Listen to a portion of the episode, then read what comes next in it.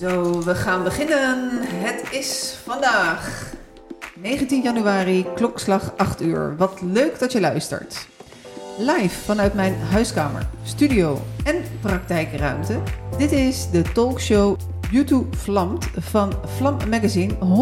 100% aandacht voor liefde, intimiteit, seksualiteit. Vanuit liefde, met liefde, voor de liefde. Vandaag is Hester Schaart mijn gasten. Zij is liefdesverdrietpsychologe. Van harte welkom Hester in aflevering 4 alweer. Welkom bij YouTube Vlamt. Dankjewel Annette, fijn om hier te zijn. Het was net eventjes uh, door de sneeuw, hè? Ja, ja het was uh, wit op straat. Hè? Het was in één keer een beetje glad. Heel romantisch gezicht hè, buiten. Prachtig. Ja. ja zeker uh, een, een, een, mooie romantische setting voor, om, om liefdesverdriet te bespreken. Zeker, oh. zeker. We zitten er warm en droog bij nu, gelukkig. Precies. Mijn naam is Annette Burgers, relatietherapeute, stiefcoach bij YouTube Coaching en ik presenteer YouTube Land. Alle afleveringen die je niet live kunt beluisteren, kun je via Vlam Magazine en Spotify als podcast beluisteren. En uh, dan gaan we maar gewoon eens uh, beginnen met het onderwerp. Esther, ik had bedacht vandaag iets totaal anders. En ik denk, ik ga een beetje uitdagen, een beetje triggeren. Ik ga beginnen met uh, vijf stellingen. Oh, kom maar op. Wat goed. En je mag kiezen. Ja. monogaam of open relatie? Monogaam. Liefde op het eerste gezicht of iemand leren kennen? Oh, iemand leren kennen, absoluut. Als je ruzie maakt, ben je dan een jager of een terugtrekker? Uh, een jager. Een, een relatie verbreken als je niet meer gelukkig bent of toch doorgaan? Verbreken. Een ex terugwinnen of loslaten? Loslaten. Oké, welkom Hester. Dankjewel. deze, in deze show. Uh, als eerste vraag. Uh, zoals ik uh, inmiddels ook expert ben op het gebied van ontrouw, ben jij expert op het gebied van liefdesverdriet. Ja. En ehm, ja, bij mij is het zo gegaan vanuit uh, eigen ervaring en daarna leren, leren, leren, leren. Mm-hmm. En wat, hoe ben jij begonnen als specialist op het gebied van liefdesverdriet? Ja, ook op het gebied van liefdesverdriet ben ik ervaringsdeskundige. Dus zo ben ik een aantal jaar geleden begonnen met dit werk. Naar aanleiding van een hele pijnlijke breuk met mijn toenmalige partner. En uh, die relatie eindigde en ik raakte daarna in zo'n diepe put. Uh, dat ik me daar echt helemaal te pletten van schrok. Want ik dacht, wat is er met mij aan de hand? En ik heb daar echt nou, best wel lang, een jaar lang vol heel veel verdriet van gehad zoveel verdriet, dat had ik nog nooit meegemaakt in mijn leven. En ik was toen al wel gezondheidszorgpsycholoog met een eigen praktijk. Maar dit verdriet, verdriet was echt, echt wel heel erg anders. Deze somberte, uh, deze pijn was echt, wauw, was wel heel erg heftig. En uh, uh, toen ik daar uiteindelijk uh, doorheen ben geploeterd, want zo voelt het hè, eigenlijk, het ploeteren door die rouw heen, gelukkig middels professionele hulp, heb ik me daarna bedacht van, ik ben natuurlijk niet de enige die hier zo'n ontzettend veel last van heeft. Hè? Dus vrouwen en mannen met het gebroken hart, ja, daar zijn er echt heel erg veel van. En juist daarvoor wil ik nu uh, uh, mijn praktijk inrichten. En heb ik een omslag gedaan, uh, gemaakt in mijn praktijk naar gewoon psychische zorg voor allerlei soorten problematiek. Naar vooral psychische zorg nu voor mensen met ernstig liefdesverdriet. We gaan even terug, want je gaat heel erg snel. We gaan stapje voor stapje. Ja. Ehm, zoals je het vertelt, uh, doe ik de aanname dat uh, jouw voormalige partner de relatie verbroken had. Ja. Ja, ik was degene die achter is gebleven. Dus ik was de verlatene eigenlijk, de, hè? de gedumpte. De, de, ja, ja, ja, degene die inderdaad achterblijft. Ja. Uh, had je het zien aankomen, achteraf gezien? Achteraf gezien uh, komt de wijsheid hè, vaak. Um, en uh, dat heb ik bij mezelf ervaren, maar ook bij mijn cliënten. Dus op het moment dat uh, alle emotionele stof een beetje is neergedaald, uh, begin je uh, rationeel toch ook een beetje in te zien van wat gebeurde er nou in de dynamiek in deze relatie. wat waren de dingen die eigenlijk helemaal niet zo goed waren? Um, en ben ik achteraf gaan inzien dat die relatie inderdaad toch echt wel wat kwetsbaarheden met zich mee droeg. En, en als je nu terugkijkt hè, met voortschrijdend inzicht en met heel veel ervaring inmiddels dan op dit gebied. Ja. Uh, wat maakt dat je op het moment dat je in de relatie zat, uh, dat je er niet alert genoeg op was? Of dat je het misschien onbewust wel zag, maar niet wist wat je ermee aan moest? Hoe kijk je daar nu op terug? Dat is een goede vraag. Um, ik denk dat ik ergens het wel uh, zag dat er een aantal dingen niet goed zaten, maar dat ik ook het niet wilde zien. Dus ergens een beetje zo een, een, een verstopplekje in mijn hoofd creëren van, uh, nou, we komen hier wel overeen. Uh, over deze ingewikkeldheden in de dynamiek. Um, en, um, en ik denk dat dat verstopplekje is gecreëerd doordat ik echt dacht van, ja, ik word met deze man oud. Uh, ik ben toch psycholoog, dus ik weet heel veel van relaties. Dus ik weet wel hoe we dit moeten fixen. Uh, dat was een tweede factor. Een derde factor was uh, dat ik het heel erg, heel erg spannend vond om uiteindelijk alleen te blijven. In mijn optiek een, eenzaam en alleen. dus ik denk die drie factoren hebben gemaakt dat ik het eigenlijk niet zo wilde zien tijdens de relatie. Zoals uh, een loodgieter ook zijn eigen exact. lekkage niet, zo, niet zo goed ziet. Hè? en zo zijn er heel veel varianten. Ja. Docenten, leraren die uh, het gedrag van hun eigen ja. kinderen niet zo goed zien. Schoonmakers met kinderen en zelf uh, met kapotte schoenen.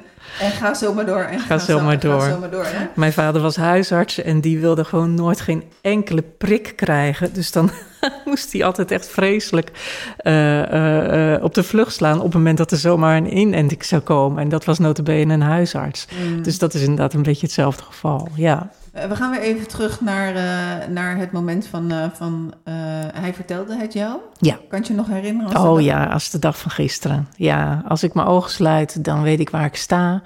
Dan weet ik wat ik hoor. Dan weet ik hoe die kijkt. Dan zie ik zijn gezicht. Dan kan ik me helemaal inbeelden, zelfs de ruimte, hoe het rook. Kortom, op het moment dat ik daar naartoe ga en al die bestanden uit mijn lange termijn geheugen, bij wijze van spreken, ophaal, hè, de boeken eruit ophaal, dan ben ik weer in dat moment. En uh, ik weet ook dat dat moment uh, voor mij, achteraf gezien, heb ik daar echt wel het predicaat trauma opgeplakt. Want het was echt traumatisch. Um, uh, en dat kan ik alleen maar zeggen omdat op het moment dat die breukmelding werd verteld, hè, hij wilde echt niet meer door met mij, raakte ik in een volledige paniektoestand. Oerpaniek. Oerpaniek. Hè, dus de oerpaniek die Sue Johnson hè, beschrijft, dat je, dat je echt voelt dat de wereld onder je vergaat, dat je, dat je alleen maar kan huilen, dat er. Uh, dat alle, alle besef van tijd verdrijft en dat je alleen maar verdrinkt in het enorme verdriet uh, en de enorme angst ja, die je dan ten deel inderdaad van, van achtergelaten worden, ja. van alleen blijven. Ja, ja, ja. ja. Um, heeft hij, uh, um, nee, laat ik het anders uh, formuleren. Wat maakt dat er uh, geen gesprek meer mogelijk was? Dat het echt definitief was, want zo klinkt het. Ja, het was definitief. Um, ik denk achteraf gezien, we hebben maanden later weer met elkaar het gesprek kunnen aangaan, want eerder kon ik dat niet, omdat ik zo in die enorme wanhoop zat, in het enorme verdriet. Uh, uh, later bleek dat hij toch al maanden heel erg aan het twijfelen was. En daar echt wel ooit een keertje iets over heeft gezegd. Hè? Maar we hadden het net over dat verstopplekje in mijn hoofd. Ik heb dat eigenlijk niet zo goed kunnen horen. Um, dus dat betekent dat op het moment dat mensen in mijn praktijk, als ik het trek naar het hedendaagse en ik hoor dat uh, in een relatie er twijfels zijn van de ene partner naar de ander, dan benadruk ik altijd tegen degene die deze boodschap hoort van ga alsjeblieft daarover wel in gesprek. Want anders dan word je straks uh, geconfronteerd met een voldongen feit. Ik zie ook vaak dat als mensen uh, een relatie verbreken, dan is degene die daar de keus toe maakt, of dat nou de man is of een vrouw in hetero-relaties, of maakt niet zoveel uit, maar degene die die keuze maakt, is eigenlijk al maanden aan het afscheid nemen. En degene die achterblijft, de verlatene, dus ik ook in dat geval, uh, die wordt naar haar gevoel of naar zijn gevoel uh, uh, geconfronteerd met een voldongen feit. Maar nogmaals, als je dan later een beetje in de tijd kijkt, dan zul je zien dat in de relatie echt, echt ook wel ingewikkeldheden waren. Ja, herkenbaar. Uh, ook vanuit uh, mijn privé-ervaringen, maar ook vanuit de praktijk. Ja. Uh, en ehm, die twijfel die degene die de relatie verbreekt al tijden gehad heeft. Ja. Maakt natuurlijk inderdaad dat die kilometers voorloopt in het proces van verwerken. Exact. Ehm, waarbij het niet wil, zijn, niet wil zeggen dat hij of zij het makkelijker heeft. Nee. Maar het proces is al een stuk verder. Ja. Uh, en ben je erachter gekomen of heeft hij dat verteld, heeft hij dat gedeeld met je? Wat maakte... Kijk, want je kan inderdaad zo zeggen van... nou, zo moeten we niet uh, heel vaak ruzie maken. Of dit, ja, dit vind ik echt heel erg vervelend. Weet Ja. je, dat zijn natuurlijk wel opmerkingen die achteraf een, een veel grotere betekenis krijgen. Van, oh ja, maar dat had hij wel gezegd. Mhm. Maar het is ook niet zo om van, nou, we gaan even zitten... Want dit loopt echt niet. Dit loopt echt niet lekker. En kunnen we even serieus met elkaar praten? Ja. Nee. Uh, wat maakt dat hij daar niet voor gekozen had? Weet je dat? Uh, dat weet ik niet zo goed, want het, we hebben het ook al wel over heel wat jaar geleden. Um, ik denk dat hij. Um, ik, ik, denk dat hij wist dat hij me heel veel verdriet zou gaan doen. Dus ik denk dat hij dat uh, mij eigenlijk niet wilde aandoen. De angst om te kwetsen? Angst om te kwetsen. Ik denk dat hij zelf toch ook ergens wel twijfelde. Moeten we dit echt wel stoppen of niet? Um, ja, ik denk dat die twee factoren uh, absoluut een rol speelden. Uh, en dat is eigenlijk wat ik wel vaker zie, is dat, um, uh, dat als, als in hetero-relaties mannen ervoor kiezen om de relatie te verbreken, dan hoor ik toch vaak dat mannen uh, het verschrikkelijk vinden om hun partner pijn te doen. En omdat ze dat willen vermijden, omdat ze zichzelf daarmee eigenlijk ook pijn doen, want ze weten niet hoe ze dat moeten communiceren. Uh, stellen ze zo lang mogelijk die boodschap uit, uit en gaan vrij indirect communiceren. Um, nou wil ik niet heel erg vanavond het gaan hebben over enorme seksverschillen tussen mannen en vrouwen, maar over het algemeen zie ik dan wel dat ja, vrouwen dan echt, echt verbijsterd zijn van waarom heb je me dit niet eerder verteld? Um, ja, en dan, dan krijg je een beetje een ingewikkelde dynamiek. Want heel vaak gaan mensen dan nog, als de relatie over is, daarover met elkaar in gesprek. En 9 van de 10 keer gaat dat ook niet goed. Want uh, dan kom je ook in een ingewikkelde fase dat we allebei in een andere mening komen. En in een andere fase van rouwverwerking. En je hebt iets anders nodig van elkaar. Uiteindelijk heb je, zul je elkaar moeten loslaten. Ja, ja, precies. En kan je datgene wat je nodig hebt, kan je elkaar dus niet meer bieden. Nee. Als we dan eventjes naar, uh, naar het woord gaan. Liefdesverdriet, wat is het nou eigenlijk? Ja, uh, liefdesverdriet is het verdriet uh, vanwege een verloren liefde. De liefde die is gestopt. De liefde die geboden wordt door een partner of door een affaire of door een vakantieliefde. Um, het is een vorm van rouwverwerking. Hè. Hetgeen wat je lief hebt, dat is van je weggeraakt. En uh, als gevolg daarvan kom je in een uh, flinke portie emotionele pijn terecht. En wat zijn de symptomen? Er zijn heel veel symptomen. Je zou eigenlijk kunnen zeggen dat liefdesverdriet een effect heeft op het hele fysieke gestel, dus het, het lichamelijke, je lichaam. Het gaat over dat je fysiek allerlei stresshormonen aanmaakt. Uh, flinke hoeveelheden cortisol door je lijf heen voelt gieren. Um, je krijgt allerlei klachten, buikpijn, hoofdpijn, bent bevattelijk voor griep, um, corona en dat soort dingen. omdat je weerstand een enorme opdonder geeft, krijgt. En uh, emotioneel uh, uh, word je geconfronteerd met iets wat jou is overkomen. En waar je op dat moment eigenlijk helemaal niet zoveel vat op hebt. En wat je is aangedaan. En wat je is aangedaan. Hè? Zo, dat, dat voelt ook zo. Dat, en het enige wat je dan hebt te doen is dat je moet kijken hoe je daarmee omgaat. Emotioneel gebeurt er van alles. gevoelens van wanhoop, gevoelens van onmacht, gevoelens van grote paniek, hè, waar we het net ook over hadden, die oerpaniek gevoelens van verdriet, niet meer kunnen stoppen met huilen. Uh, we hebben het ook over uh, moeilijk kunnen slapen, uh, slecht eten of juist heel veel gaan eten. Dus eigenlijk zie je dat mensen met liefdesverdriet in een weerwar komen van allerlei emotionele, psychische klachten, psychische klachten, maar ook lichamelijke klachten. Mensen met liefdesverdriet, die hebben eigenlijk een depressief brein. Ja, en ik kan me nog herinneren dat ik heb vorig jaar voor het laatste liefdesverdriet gehad. Ja.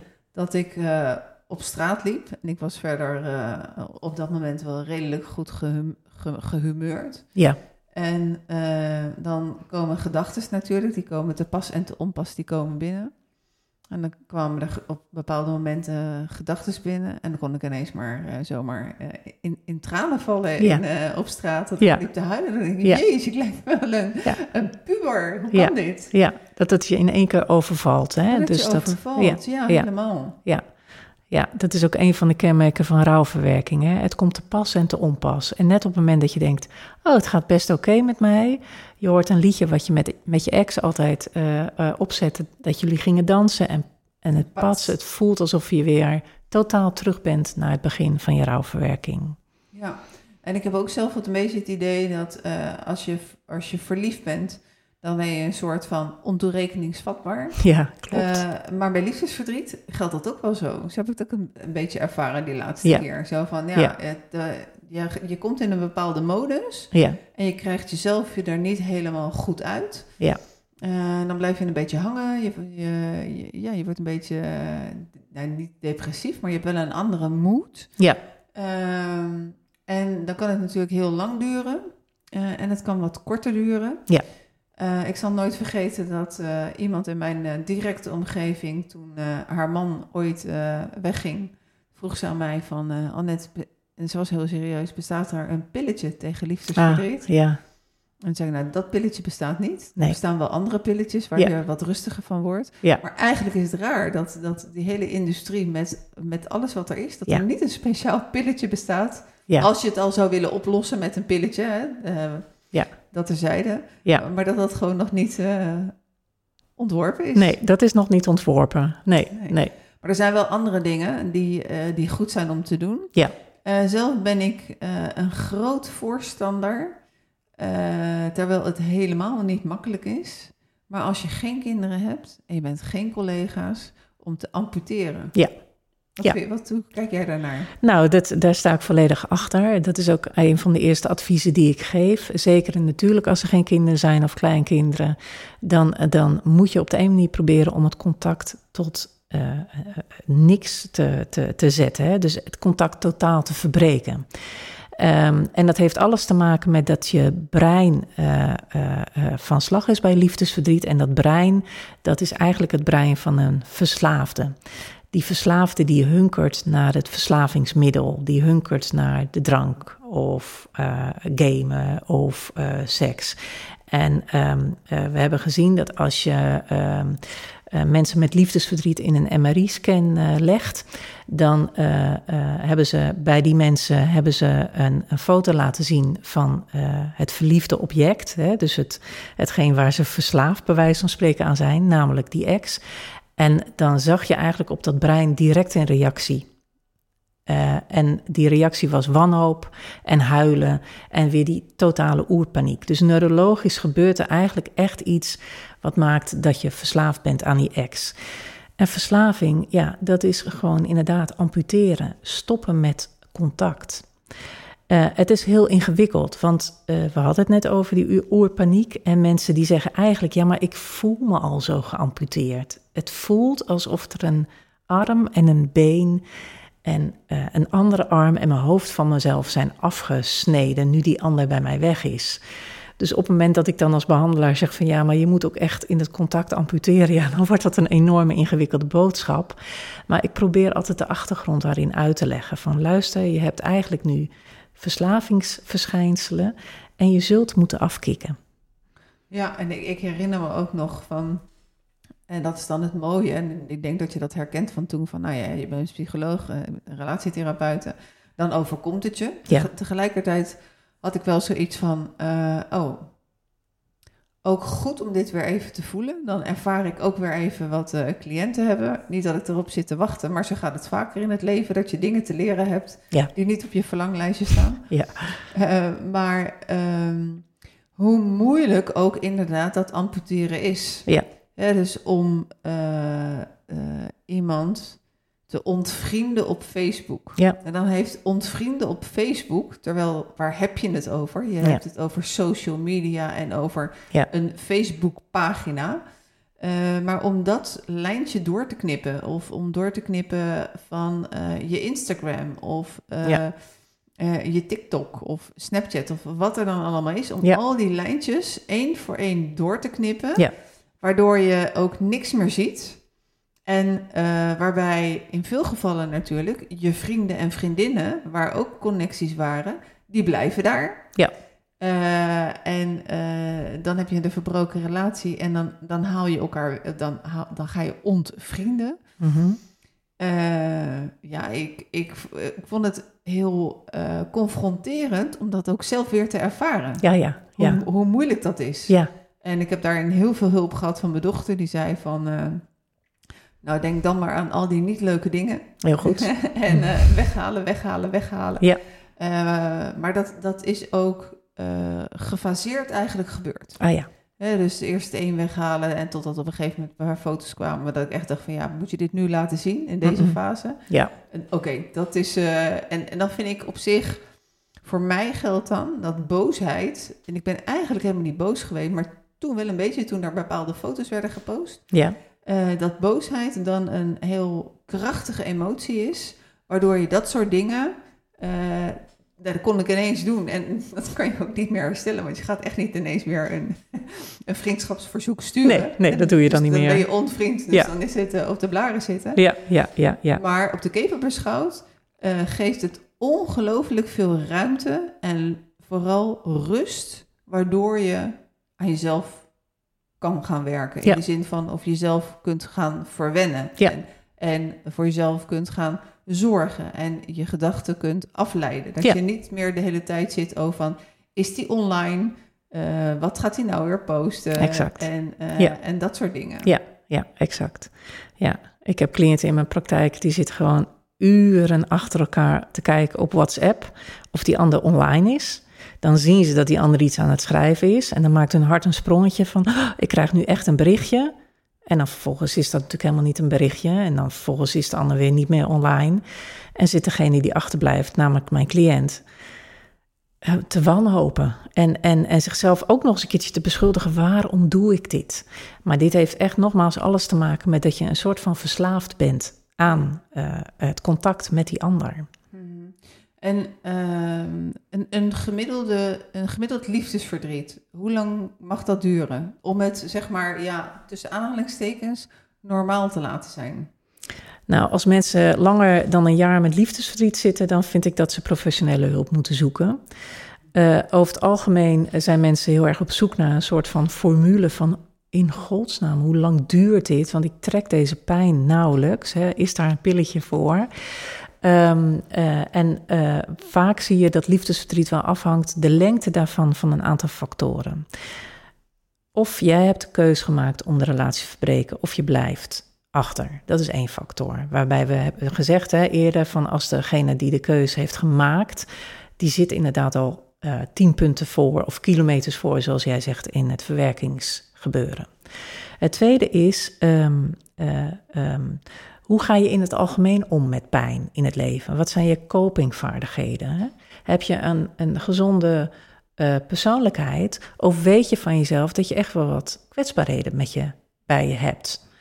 Ehm, kwetsbaarheden zoals bijvoorbeeld eh, eh, ADHD, of dat je sowieso gevoelig bent voor allerlei prikkels, emotionele prikkels, of dat je weet van jezelf, oh ja, ik heb eigenlijk in het algemeen nooit zo goed grip op emoties. Dus die hele die copingvaardigheden en de kracht van je persoonlijkheid hangt er ook van af. Ik, ik had hem op mijn lijstje staan wat de invloed was van coping. eh, Ja. Maar ik, dus ik weet niet of iedereen die luistert precies weet wat coping is. Even- Coping is eh, zeker zo goed dat je het vraagt, eh, is een manier waarop je als mens omgaat met een probleem. Dus hoe is je oplossingsvaardigheid ten aanzien van een probleem? Ehm, eh, hoe ga je om met een grote verandering in je leven? Eh, ben je iemand die daar enorm eh, in de controle wil op gaan zitten, dus alles eindeloos wil gaan voorbereiden en voorspelbaar wil maken? Of denk je van, ach ja, ik weet wel, ik heb vertrouwen in mijn leven en ik kan best met veranderingen omgaan. Dus je ziet, je weet echt wel in je eigen omgeving bij mensen die een wat krachtige uh, ruggengraat hebben, bij wijze van spreken, en mensen die ook veel kwetsbaarheden met zich meebrengen. Ja, en of je heel vaak uh, steun gaat halen bij mensen om je heen. Ja, Of dat je afleiding zoekt, uh, keihard gaat werken. Ja. Uh, of gelijk nieuw in een nieuwe relatie gaat storten. Ja, ja. dus direct op een een of andere app en de volgende partner zoekt. Ja. Dat zijn allemaal kopingsmechanismen. Dat ja, het, en, het, dus, en wat jij, jij hebt het over, ben je extravert of introvert? dat gaat een beetje over je temperament, want dat is ook een factor waar het van afhangt. ben je iemand introvert die emoties opkropt, uh, het liever allemaal in zichzelf wil houden, zich schaamt voor wat hij voelt of geen eens goed weet wat hij voelt. Ja, um, dan zou je kunnen zeggen dat die rouwverwerking daardoor ook moeilijk wordt en door wordt verlengd. Maar ben je iemand die hulp kan vragen, die zich kwetsbaar durft op te stellen, die weet wat hij voelt, maar die enorme behoefte heeft om te delen en uh, ervaringen van anderen wil horen en open staat voor hulp, daar hangt het ook van af. Het hangt ook af van de lengte van de relatie. Je kan je voorstellen als je. 30 uh, jaar? 30 jaar met elkaar samen bent geweest en je hebt kleinkinderen met elkaar en je hebt een heel leven met elkaar opgebouwd, waarbij je allerlei levensfases met elkaar hebt gedeeld, dan is het echt een heel traject en een heel proces en ook een pijnlijk proces om, uh, om los te komen van die ander. En die mensen heb ik ook in mijn praktijk. Hè? Dus, dus uh, uh, grootouders die, die, die, ja, die, die nog met elkaar te maken hebben, omdat ze met de kleinkinderen het toch ook fijn willen hebben. Maar dan zijn er nieuwe partners en, en, en stiefgrootouders. Weet je wel, er zijn dan allerlei ingewikkeldheden. tot en met financiële gevolgen en huizen die verkocht moeten worden. Allemaal toestanden, wat ook nog eens een keertje bovenop dat rouwproces komt. Ja, dat maakt het uh, niet fijn. Dat maakt het echt niet fijn, nee. En uh, wat voor invloed heeft uh, de hechtingsstijl? Goeie vraag. Um, uh, ik denk dat als je onveilig gehecht bent, dus je bent eigenlijk heel erg bang dat je verlaten wordt. Hè? Dus een beetje zo die angstige hechtingsstijl. Je bent bang dat je verlaten wordt. Dan zie je vaak dat die mensen toch ook wat langer blijven hangen in de paniek. En uh, de mensen die, die een wat vermijdende hechtingsstijl hebben, hè, die, die, zijn, uh, die hebben moeite om zich te, verbinden weer ooit aan een nieuwe partner, die zie je vrij lang alleen blijven. En alles wat ertussen zit. Dus ik ga uiteindelijk ook, dat doe ik nooit in het begin van een traject, want het is ook allemaal nog zo kwetsbaar en ingewikkeld. Maar op het moment dat mensen daar, op moment dat mensen daar een beetje voor openstaan, gaan we ook een beetje kijken van hé, hey, hoe was je eigenlijk gehecht aan je ouders? Hoe ben je ter wereld gekomen? Was je welkom? Uh, was er plek voor jou? Hoe ga je sowieso om met plek in je leven? Creëer jij plek? Stel je jezelf centraal? Dus al die hechtingsonderwerpen die komen wel degelijk aan bod.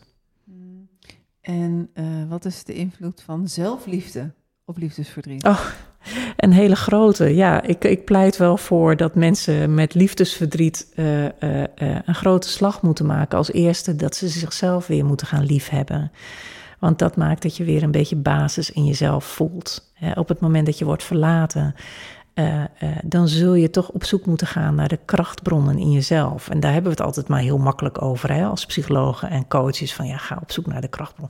Wat is dat dan? Ik ben ze voorlopig helemaal kwijt. Maar zelfliefde gaat over dat je weer leert om, ondanks dat je verlaten bent of zelfs ingewisseld bent voor jouw gevoel voor een andere partner, dat je toch gaat kijken uh, uh, dat je een aantrekkelijk persoon blijft vinden. Dat je, uh, dat je jezelf een belangrijk persoon blijft vinden. Dat je betekenisvol kan leven, ook als die ander van je weg is. Dus um, zelfliefde is, is super, super belangrijk. Ja. En als je het daarvoor al niet heel erg had, dan komt dat natuurlijk keihard aan. Ik, ja, ik precies. Vergelijk, vergelijk het wel eens met een, met een identiteitscrisis die je kan krijgen ja. nadat een relatie verbroken is. Ja.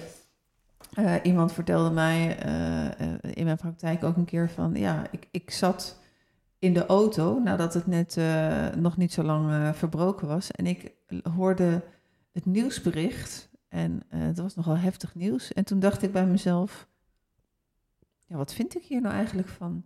Want zij was gewend om alles met haar, uh, met haar partner te bespreken. Ja, ja. En op basis van wat ze samen bespraken, voor de formuleerde zij haar eigen mening. En ze was die sparringpartner helemaal kwijt. Dus Ja. toen was het van, ja, help. eh, Ja. wat, wat vind ik hier nou Wat eigenlijk vind ik hier nou van? Wie ben ik eigenlijk nu zonder die ander? Ja. Ja, Als je echt een tijd met elkaar samen bent geweest, dan, dan krijg je een wereldbeeld wat gevormd wordt door het gesprek met de ander. Dus als je met elkaar samenleeft eh, en je zet een gezin met elkaar op de wereld, dan creëer je een wereldbeeld die, die mede wordt gevormd door die ander. En daar zit vaak ook de rouw in. Hè. Dus op het moment dat die dat delen met de ander om jouw wereld vorm te geven en jezelf vorm te geven, je identiteit vorm te geven, eh, als dat wegvalt, dan zul je dat alleen moeten doen. Maar je was al zo verdrietig en het was al zo pijnlijk. En die ex die heeft alweer een leuke nieuwe vriendin waarmee jouw kinderen op stap gaan. Je kan daar niet uitstaan, bij wijze van spreken. Dan zul je daarna ook nog eens een keertje eh, eh, je eigen identiteit weer moeten vormgeven. ja, en eh, hoe start je dat?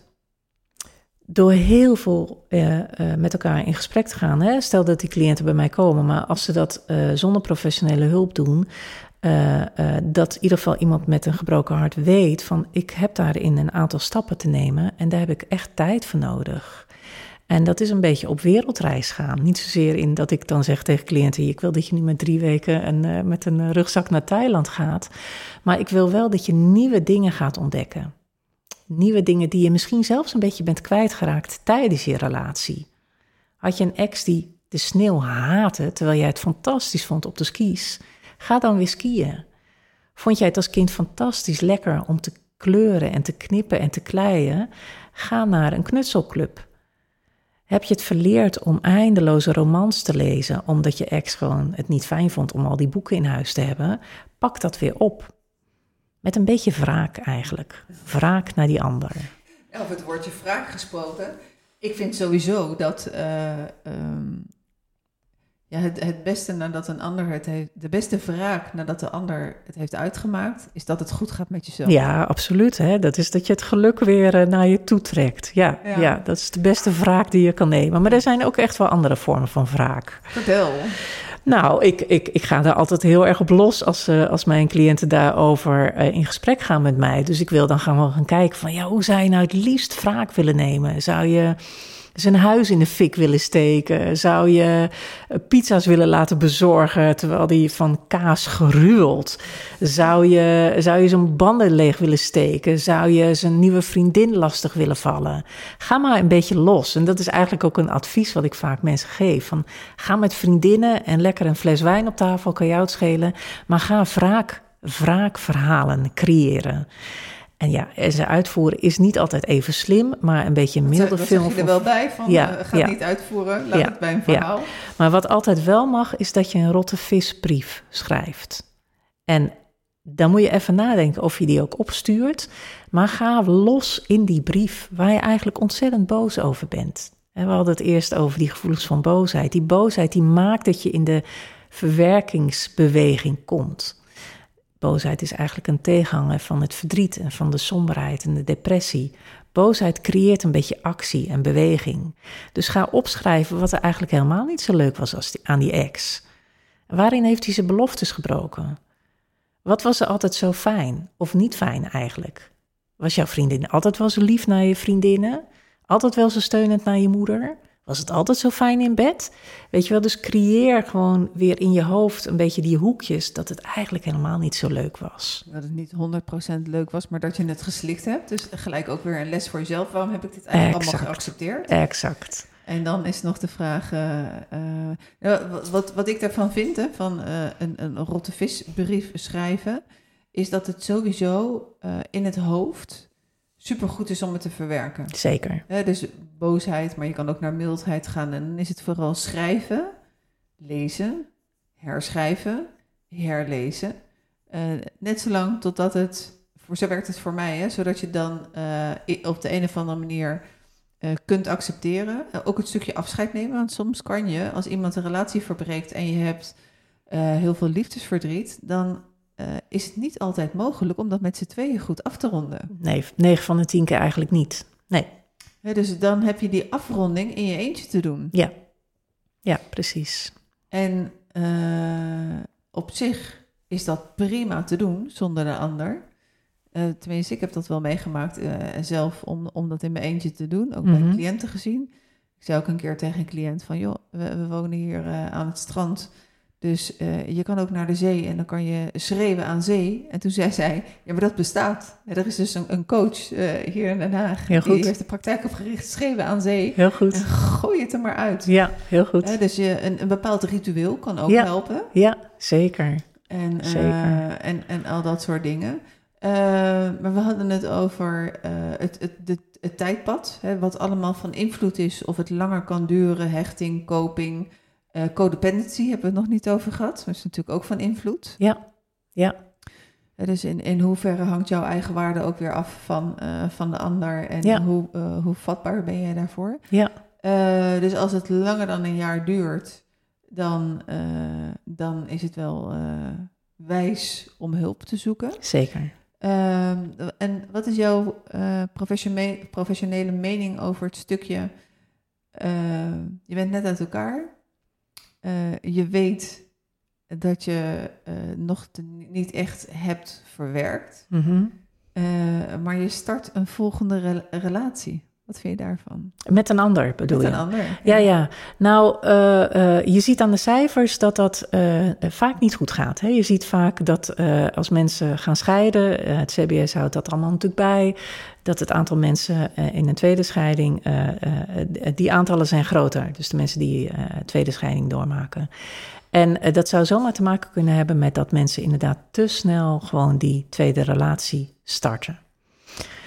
over het algemeen zie ik dat mannen neigen sneller een nieuwe relatie te starten dan vrouwen. Vrouwen gaan toch wat meer uh, op zelfonderzoek uit. Van wat heeft dit met mij te maken? Uh, uh, wat heb ik hierin te leren?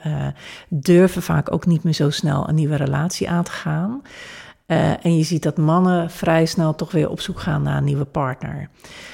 Um, ja, en als dan tijdens die nieuwe relatie er conflicten komen of verschillen van mening of er komt iets van het verdriet tevoorschijn, wat misschien op een niet zo'n handige manier wordt geuit naar die nieuwe partner, dan heb je de pop aan het dansen en dan gaat het niet werken.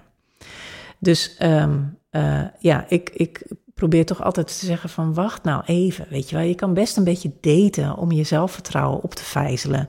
En je kan best even uh, een lekkere sekspartner ergens hebben, uh, zolang de verwachtingen over en weer maar oké zijn en, en helder zijn en concreet zijn.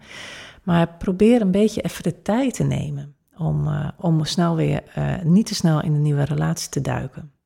En wanneer weet je dan van jezelf, oké, ik heb het verwerkt. Ik, ik, sta er weer open voor. Ja, uh, dat, dat is een vraag die eigenlijk iedereen aan mij stelt. Ja, stel ik hem ook. Ik denk, het is een leuke het vraag is, om aan uh, Esther te stellen. Het is, uh, kijk, ehm, ik denk dat een trauma is verwerkt of een liefdespijn of een liefdesbreuk is verwerkt. Dat zou je kunnen zien als, een, als de volgende metafoor. De metafoor is dat je een la opentrekt en daarvoor uh, uh, voordat je het had verwerkt, lag in die la lag alles door elkaar heen.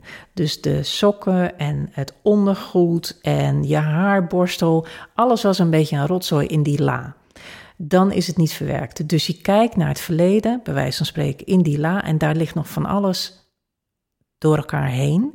En op het moment dat je er iets uitpakt, dan komen daar allerlei ingewikkelde gevoelens tevoorschijn. En je zou kunnen zeggen in deze metafoor: het liefdesverdriet, de breuk is verwerkt. Dat als je de la opentrekt, dan ligt alles netjes op hun plek. Dus de sokken liggen bij de sokken, het ondergoed ligt in een ander vakje en je make-upjes ligt weer in een ander vakje. En je kan er iets uitpakken en je kan weer iets terugleggen.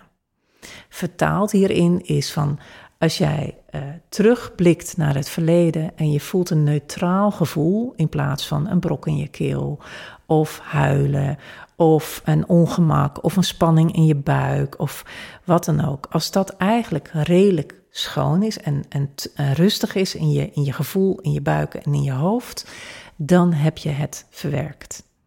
En daarbij, als je ook nieuwsgierig bent naar die nieuwe partner. Dus als er dan een nieuwe partner is, dan kan je het goed hebben dat die ander ook verschilt van jou. En dat er ook weer conflicten in komen en dat er ook weer fijne momenten in zijn. En dat je dan niet meer vergelijkt met die ex-partner, hoe die was. Mhm. Dus de la is bij wijze van spreken opgeschoond. Helder. Uh, wat, een, wat een lastige vorm van uh, liefdesverdriet is, is in de situatie van een affaire. Ja. Uh, dat nou, iemand heeft een affaire, heeft zelf een eigen relatie, partner weet dus helemaal niks van de relatie. Ja. en degene met wie de affaire is, die beëindigt de relatie. Ja.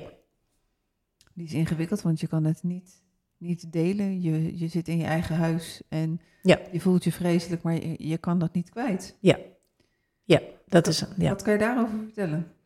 Uh, dat ik uh, nogal wat mensen uh, in deze situatie in mijn praktijk zie. En dat snap ik heel goed, want ik ben een totaal iemand die helemaal niet in hun leven of haar of zijn leven zit. Dus mensen hebben een enorme behoefte om dit geheim te delen, want het is natuurlijk een enorm geheim.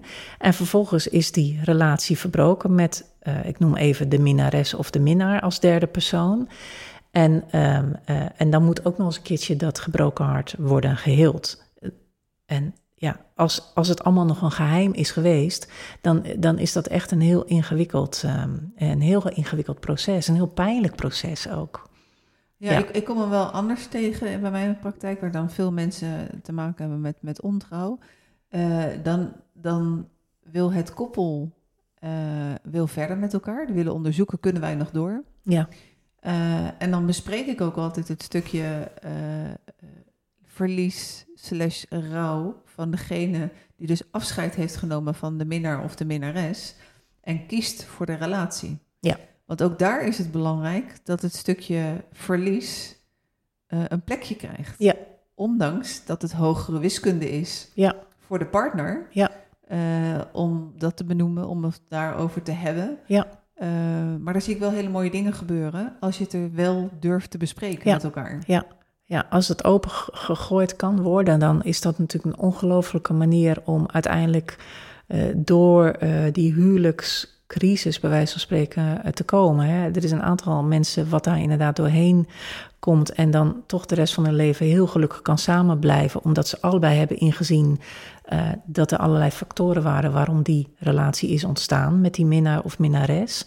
Maar ja, er zijn er nog veel meer waarbij het uiteindelijk toch niet lukt.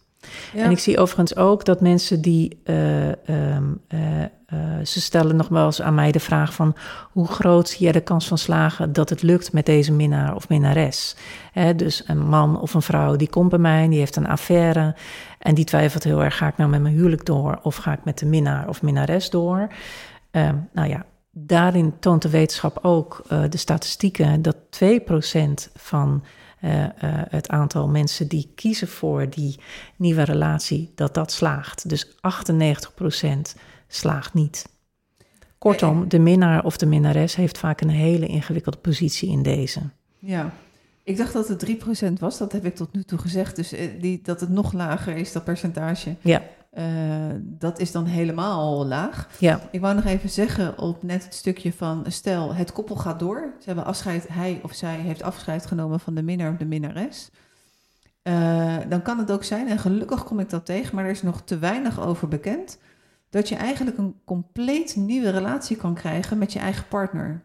Omdat het opengegooid is, dat er beter gesproken wordt over verlangens, en behoeften. De seksuele relatie krijgt meer aandacht. Er worden nieuwe afspraken gemaakt. Dus dat vind ik uh, jammer dat er zo weinig over bekend is. Ja, dus, zeker. dus die compleet nieuwe relatie met diezelfde partner. Ja. Ik ben zelf ook ervaringsdeskundige in het andere stuk. De doorstart met, uh, met de minnaar of de minnares. Ja. En dat zie ik ook in mijn praktijk. En uh, ik herken dat dat ongelooflijk moeilijk is. Ja. Uh, je hebt de hele wereld tegen. Ja. Er gaan zoveel krachten, uh, exen, uh, kinderen, kinderen, met een loyaliteit. Ouders. dat, is, dat is hogere wiskunde om dan ja. een liefde lang verder gelukkig te zijn met elkaar. Ja, dat heeft natuurlijk alles te maken met dat als iemand in een huwelijk kiest voor de minnaar of de minnares, die heeft ook weer een rouwproces uh, uh, uh, moet hij door, omdat hij ook afscheid neemt van het oorspronkelijke complete gezin. En wordt ook geconfronteerd weer met de rouw van zijn ex-partner en de rouw van de kinderen. En inderdaad enorme boosheid naar die nieuwe partner. Vervolgens komt die partner in een ongelofelijke spagaat. Dus het zijn echt hele ingewikkelde uh, processen met enorme krachtvelden, inderdaad. Ja. ja, ik noem het ook een valse start. Want, ja. want je start met elkaar en je hebt uh, vanuit liefde heb je goede hoop. Alleen je wordt achterhaald door, door, de, door de omstandigheden. Ja. En uh, ik steek ook hand in eigen boezem, omdat ik toen ik startte met een heel grote liefde in mijn leven. En hij zijn huwelijk verliet en ik mijn relatie verliet en wij samen startten. Mm -hmm. toen had ik absoluut geen oog voor zijn rouw. En ik had toen ook die kennis nog niet. Ja, dat vooropgesteld is alweer uh, behoorlijk wat jaren geleden. Mhm. Als ik nou denk, met de kennis van nu, wat zou ik anders gedaan hebben? Ja. Los van het feit dat ik, dat ik ook niet meer vreemd ga, maar dat staat even buiten kijf. Maar wat zou ik anders gedaan hebben als ik toch zou zijn gestart met die relatie? Dan zou ik nu willen dat ik toen de kennis had gehad van de rouw, die, die eh, die, die ik eigenlijk botvierde op, op de verhalen over, uh, over zijn ex, die helemaal met haar uh, kont tegen de kribben ging. Mhm. En daar vond ik wel wat van, mhm. waardoor we eigenlijk nooit goed zijn kunnen starten. Oh, en, en, die hand steek ik echt in eigen boezem. Het is, er is echt wel, denk ik, ook kennis voor nodig ja. om, om daarin mensen handvatten mee te geven. Exact. Hoe je het beste met zo'n ja, zo'n start vanuit vreemd gaan, hoe je het beste kunt starten. Ja. Dan ben je daar beter tegen gewapend. Ja. want die 2% dat is maar echt heel weinig. Ja. Daarbij is het natuurlijk ook zo dat uh, dan hebben we het over de romantische affaire. Er zijn natuurlijk nog meerdere vormen van of meerdere uh, ja, namen aan affaires als je vreemd gaat. dus dat, dat mensen die dan een romantische affaire hebben, dat zijn dan de mogelijke kandidaten die die doorstart maken. Maar dan is dat weer een valse, valse start. Uh, uiteindelijk heb jij ook weer zelf de liefde gevonden. ja, ja. En toen uh, uh, jij had, hebt geen kinderen. Toen ben je... Ik heb geen eigen kinderen, nee. nee, nee, En toen ben jij verliefd geworden op iemand met kinderen. Ja, vier stuk zelfs. Ja, vier stuk? ja, vier stuks, ja. Hoe, hoe was dat? Nou, dat, ik, ik, ehm, ik heb heel graag kinderen gewild. Uh, en uh, toen dat uiteindelijk allemaal niet lukte in mijn leven, door allerlei factoren, met name door mijn eigen gezondheid, uh, dat gaf ook wel een stuk rouw. waar ik doorheen geploeterd ben ook weer uiteindelijk. En toen uiteindelijk dacht ik van, nou ja, goed, dan is me dat niet gegeven en moet ik toch op een andere manier betekenis geven aan mijn leven. Onder andere was dat ook de reden waarom ik met dit werk ben gaan beginnen. Hè? Dus heel erg me gaan richten op rouwverwerking. Ehm, Um, en um, ja, ik, ik, ik was niet echt op zoek naar een partner met kinderen. Maar ik dacht, ja, uh, het aantal mannen waarmee ik date die kinderen heeft, is uh, best aanwezig. En ja, het lijkt me eigenlijk toch ook stiekem wel heel erg leuk. Maar goed, ik was ook kinderpsycholoog en ik heb ook heel wat uh, toestanden in mijn kamer gezien. Dus ik was uh, een beetje uh, beroepsgedeformeerd. Want ik zag allerlei toestanden en ruzies met nieuwe partners. En samengestelde gezinnen en stiefmoeders. En ik denk, oh, moet ik daar wel aan beginnen? Maar ja, ondertussen ja, werd ik heel erg verliefd op, op deze man. En, en dacht ik, ja, het is natuurlijk ook een te gekke kans voor mij om, om toch iets van eh, de moedelijke uh, gevoelens die ik ergens heb voor deze, deze jongens en meisje. Het zijn er drie, drie jongens en één meisje. Om die toch op mijn manier uh, aan, ze, aan ze te bieden. En dat vind ik een fantastische rol. Dus ik ben nu echt heel trots op ze als, als bonusmoeder. en, en het zijn pubers, dus die hebben ook een heel stuk al autonomie hoe en, oud waren ze toen je ze leerde kennen? Vijf jaar geleden waren ze, uh, even kijken, uh, 9, 10, 15 en 16. Uh, nou ja, ze zijn nu allemaal uh, natuurlijk allemaal vol puber. Dus drie puberzonen en één puberdochter. Eigenlijk al een adolescent is mijn dochter, die is al eigenlijk heel stuk zelfstandig. Uh, dus ik woon met vier mannen thuis. En uh, de bonusdochter die heeft al een heel leven voor zichzelf met een eigen woning opgezet. Maar um, ja, een heel enorme rijkdom biedt het. En ik vind het niet altijd makkelijk, want ik was gewend om alleen te wonen in een huis met mijn eigen heel spulletjes. Verschil. Een heel verschil. Ik, uh, met antieke meubels en, een, uh, en kunst aan de muur en klassieke muziek en allemaal hele mooie spulletjes. En, en weet je wel, nou ja, met pubers moet je daar wel even een andere slag in maken. Uh, en het is een proces geweest met, met vallen en opstaan. En uh, ik ben gezegend dat mijn partner heel goed contact heeft met zijn ex-vrouw, de moeder van deze kinderen, want dat is een voorwaarde. Uh, ik heb ook goed contact met haar en we zijn heel, heel blij met elkaar dat we dat heel zorgvuldig behandelen, dat contact. Dat we erg uitgaan van verbinding en dat we ook uitgaan van dat we elkaar het allerbeste gunnen. Dus gelukkig zijn die twee niet met allerlei toestanden uit elkaar gegaan. Uh, dus dat was mijn voorsprong, bij wijze van spreken. Um, dus ik heb, een, ik heb een prachtige band met ze. Ja. En heeft de ex van jouw partner ook een andere partner? Uh, nee, die heeft niet op dit moment niet een. Nee, nee die heeft geen partner. Nee. En als, je nou, uh, als er nou een luisteraar is en die. Ja, die, die, die, die is net startend in een in, in samengestelde relatie, zo noem ik dat dan maar. Hè? Ja. Je, wordt, je wordt verliefd op iemand die kinderen heeft. Ja. En wat is dan je top drie aan, uh, aan goede tips? Geef meer dan dat je wil ontvangen. Ga niet uit van dat er. Uh, uh, je moet natuurlijk wel je eigen behoeftes moet je echt goed weten en met elkaar kunnen communiceren. Maar voor iedere relatie geldt, en zeker voor een relatie met kinderen van een ander. Ga heel veel investeren in een rustige opbouw van het contact. Dus geef daarin heel veel en ga niet zo snel uit van ontvangen. Ga geen moeder voor die kinderen willen zijn, want dat ben je niet. Dus weet je plaats en weet ook dat je altijd op de tweede plaats komt in plaats van de eerste plaats. Deze man die zal altijd moeten kiezen voor die kinderen en niet voor jou. Uh, als het gaat over de inrichting van je huis, als het gaat over financiële afspraken, als het gaat over ruimte en plek, dan hebben die kinderen daarin een belangrijke positie, de belangrijkste eigenlijk. Ga niet concurreren met de moeder. Um, um, ja, volgens mij heb je wel aan. aan ik heb er al, uh, en wees altijd re respectvol, ja, ja, ja. ja. En, uh, je zei net uh, rijkdom. Ja. Dan gaf je, uh, wat, is, wat is de rijkdom hiervan in je leven? Wat heeft het voor een rijkdom gebracht? Ik, ja, ik vind het uh, ongelooflijk. Uh, ik ben heel erg dankbaar dat ik die kinderen ook een beetje zo de, de lessen die ik heb geleefd en geleerd in het leven en nog steeds, dat ik die een beetje mag doorgeven. Dat, dat is het toppunt van betekenisvol zijn. Hè. Eerst had ik dat heel erg naar mijn familie, mijn vriendschappen en in mijn werk.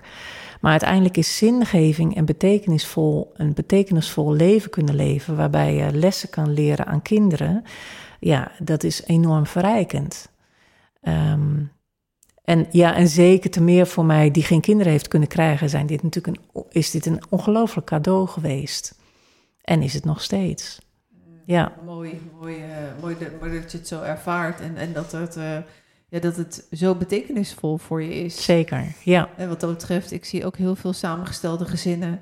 Uh, ja, als er gedoe is tussen de exen, dan, dan is dat heel ingewikkeld. Ja. En uh, maar goed, daar zijn heel veel wetmatigheden ook in samengestelde gezinnen. Als je daar geen kennis van hebt, uh, dan ben je aan het ploeteren tegen de buurkaar in. Ja. Dus ik, ik vind het altijd een mooie traject als je mensen kennis kan geven en systemisch kan kijken, sta je op de goede plek en kan je dan uiteindelijk als, samen als koppel schouder aan schouder, hand in hand, ja. dan kan je leiding geven aan het samengestelde gezin. Ja. Uh, Hester, uh, gezien de tijd, want de tijd is, uh, gaat altijd zo super, super, super snel. Ja, inderdaad. Ik heb een gedicht ontvangen met de vraag of we die vanavond kunnen voordragen. Ja. En het gaat over liefdesverdriet. Ah. Ik ga hem zo goed mogelijk voordragen. Gedichten moet je altijd voordragen. Mm -hmm. In de blauwe lucht, twee duiven, droef, ongepaard, gebroken liefde.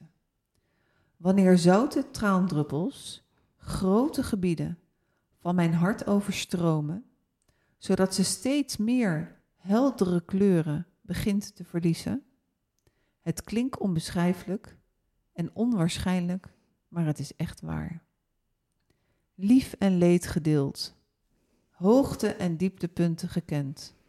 Helaas, het mocht niet baten. Door ijzige wind, waaiend in de kou, vattende boezems en kamers, raakt ze ook wat van haar warmte kwijt. Tegelijk brokkelen enkele stukken af. Het doet me denken aan melancholische herfst, waarin donker schijnt over de monotone dagen, pijn die gezien mag worden, maar onzichtbaar voor enige mensen. Bovendien worden haar mooie woorden niet meer gehoord of geluisterd, beluisterd. Maar al met al komt alles weer goed, waarbij een nieuwe periode van herstellen is aangebroken, waarin ze haar verdriet zal loslaten en plaats zal geven om nooit meer te vergeten. Want hoe breek en kwetsbaar ze wel kan wezen, zij zal me nimmer in de steek laten. Wauw, Van Catharine Bonen. prachtig. Ja, hè? en eh, heel typerend ook voor een fase. eh, en met hoop naar de toekomst. Ja, En het mooie, denk ik, eh, dat het, het stukje zelfliefde. Ik, ik, kan me, ik, ik, hoef, ik ga mezelf nooit in de steek laten. precies. Ja. Zo, zo hoor ik hem. Ja, ja, En dan staat er nog onder, speciaal voor jou, de dijk, bloedend hart. prachtig. Ja, dat is ook zo'n fantastisch nummer. Ja, een gebroken hart geeft uiteindelijk heel veel wijsheid. Ja, we zitten er niet op te wachten, maar ik, ik geef eh, les eh, aan, aan, aan jongeren. En eh, dan hebben we het ook bij seksuele vorming over liefdesverdriet. Mhm. En ehm, dan gaan ze kijken op internet, wat zijn er allemaal voor dingen om dat te voorkomen. En dan Mhm. zoeken ze dat braaf. En dan zeg ik, ja, weet je, hoe dan ook. Je krijgt er altijd wel mee te maken in je leven. Ja, Nog even een, een, een korte vraag. Eh, als je het vaker meemaakt in je leven, mhm, hè, dus het, het stapelt. Mhm. Liefdesverdriet eh, dan, liefdesverdriet dan en liefdesverdriet dan. mhm. Eh, wat zie je in, in, in, je- in jouw praktijk? Wordt het dan minder erg of wordt het erger? Verlies op verlies op verlies maakt verlies heel erg. Dus eh, eh, niet alleen een verloren liefde en drie keer verloren liefde maakt het erg, inderdaad bij de vierde keer, maar ook het verlies van het huis en het verlies van de kinderen, van die ex, het verlies van financiën, verlies van borging, het verlies van veiligheid. Al het verlies wat je meemaakt in het leven. En als dat traumatisch is, gaat er dan vanuit dat je een hele ingewikkelde, complexe rouwverwerking hebt eh, aan te gaan. Precies, hè? Dan, eh, het mooi, een mooi woord daarvan. Hij is van Leoniek van der Marel. Eh, maar dan hebben we het over een verlieslawine. Ja? Exact. Dat, eh, dat Ja. het, het, het gaat maar door en het gaat maar door. ja, ja. Hester, het is bijna negen uur. Ik vind het heel jammer. Ik had nog zo echt wel veel willen vragen. Welke vraag heb ik je niet gesteld en zou je nog, toch nog antwoord op willen geven? Ehm, we hadden het net over wat is dan de wijsheid die het gebroken hart biedt. Ehm, uiteindelijk denk ik dat eh, de wijsheid die het mij heeft geboden is dat ik nog meer vertrouwen heb in mezelf. Ik kan echt nu heel veel aan. Dat is één. En twee is dat ik nog beter weet wat ik echt belangrijk vind in het leven. Ik weet heel goed wat Hester wil en wat ze nodig heeft.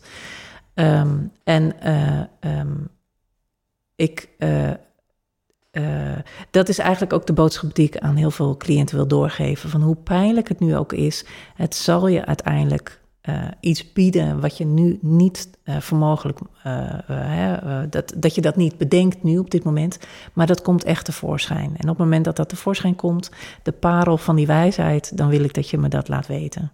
Sommige mensen doen dat, sommige ook niet. En dat hoeft ook helemaal niet. niet. Ja, dus het lijkt een beetje op een, op een eh, vergelijkbaar dat stukje met een burn-out. En Ja. burn-out is ook eigenlijk een prachtig cadeau verpakt in een foeilelijke verpakking. Exact, ja. Dus je zit, niemand zit te wachten op een gebroken hart. Eh, Ja. maar je kan er veel, bij, veel beter. En Ja. met eh, meer zelfliefde, Ja. met een, een, een, een grotere innerlijke groei, kan, Ja. je, kan je daar weer uitkomen. Ja, zeker. Ehm, Hester, hoe ben jij te bereiken? Eh, via mijn website www.liefdesverdrietpsycholoog.nl Mensen vinden daar heel veel informatie over liefdesverdriet en wat ze eraan kunnen doen. Verder ben ik te zien op alle socials: Facebook, liefdesverdrietpsycholoog.nl. Uh, Insta sta ik ook op. Um, LinkedIn vind, ik, vind je ook wel eens dingen. Uh, maar begin is maar eens bij mijn website. Daar ben ik goed te zien. Oké, nou dankjewel. En hartelijk dank voor alle kennis en voor je bezoek. En eindelijk hebben we elkaar dan ontmoet. Graag gedaan, zeker. Hart, ja. Hartstikke leuk, dankjewel. Jij ook. En ja. de luisteraar ook, dankjewel voor het luisteren. als je mij wil bereiken, dan kan dat via Vlam Magazine en of YouTube Coaching. En over twee weken zijn we er weer. En dan is het uh, Jolien Spoelstra, uh, seksuologe, EFT-behandelaar, uh, therapeut. Dus dan gaat het over seksualiteit en relaties. Altijd weer een heel boeiend onderwerp. En alle voorafgaande afleveringen die zijn te beluisteren middels een podcast. Je kan kijken naar de website van Vlam Magazine of via Spotify. En dan zijn we precies 35 seconden te lang bezig. Maar uh, dankjewel voor het luisteren en dankjewel Hester. Graag gedaan. Tot de volgende keer.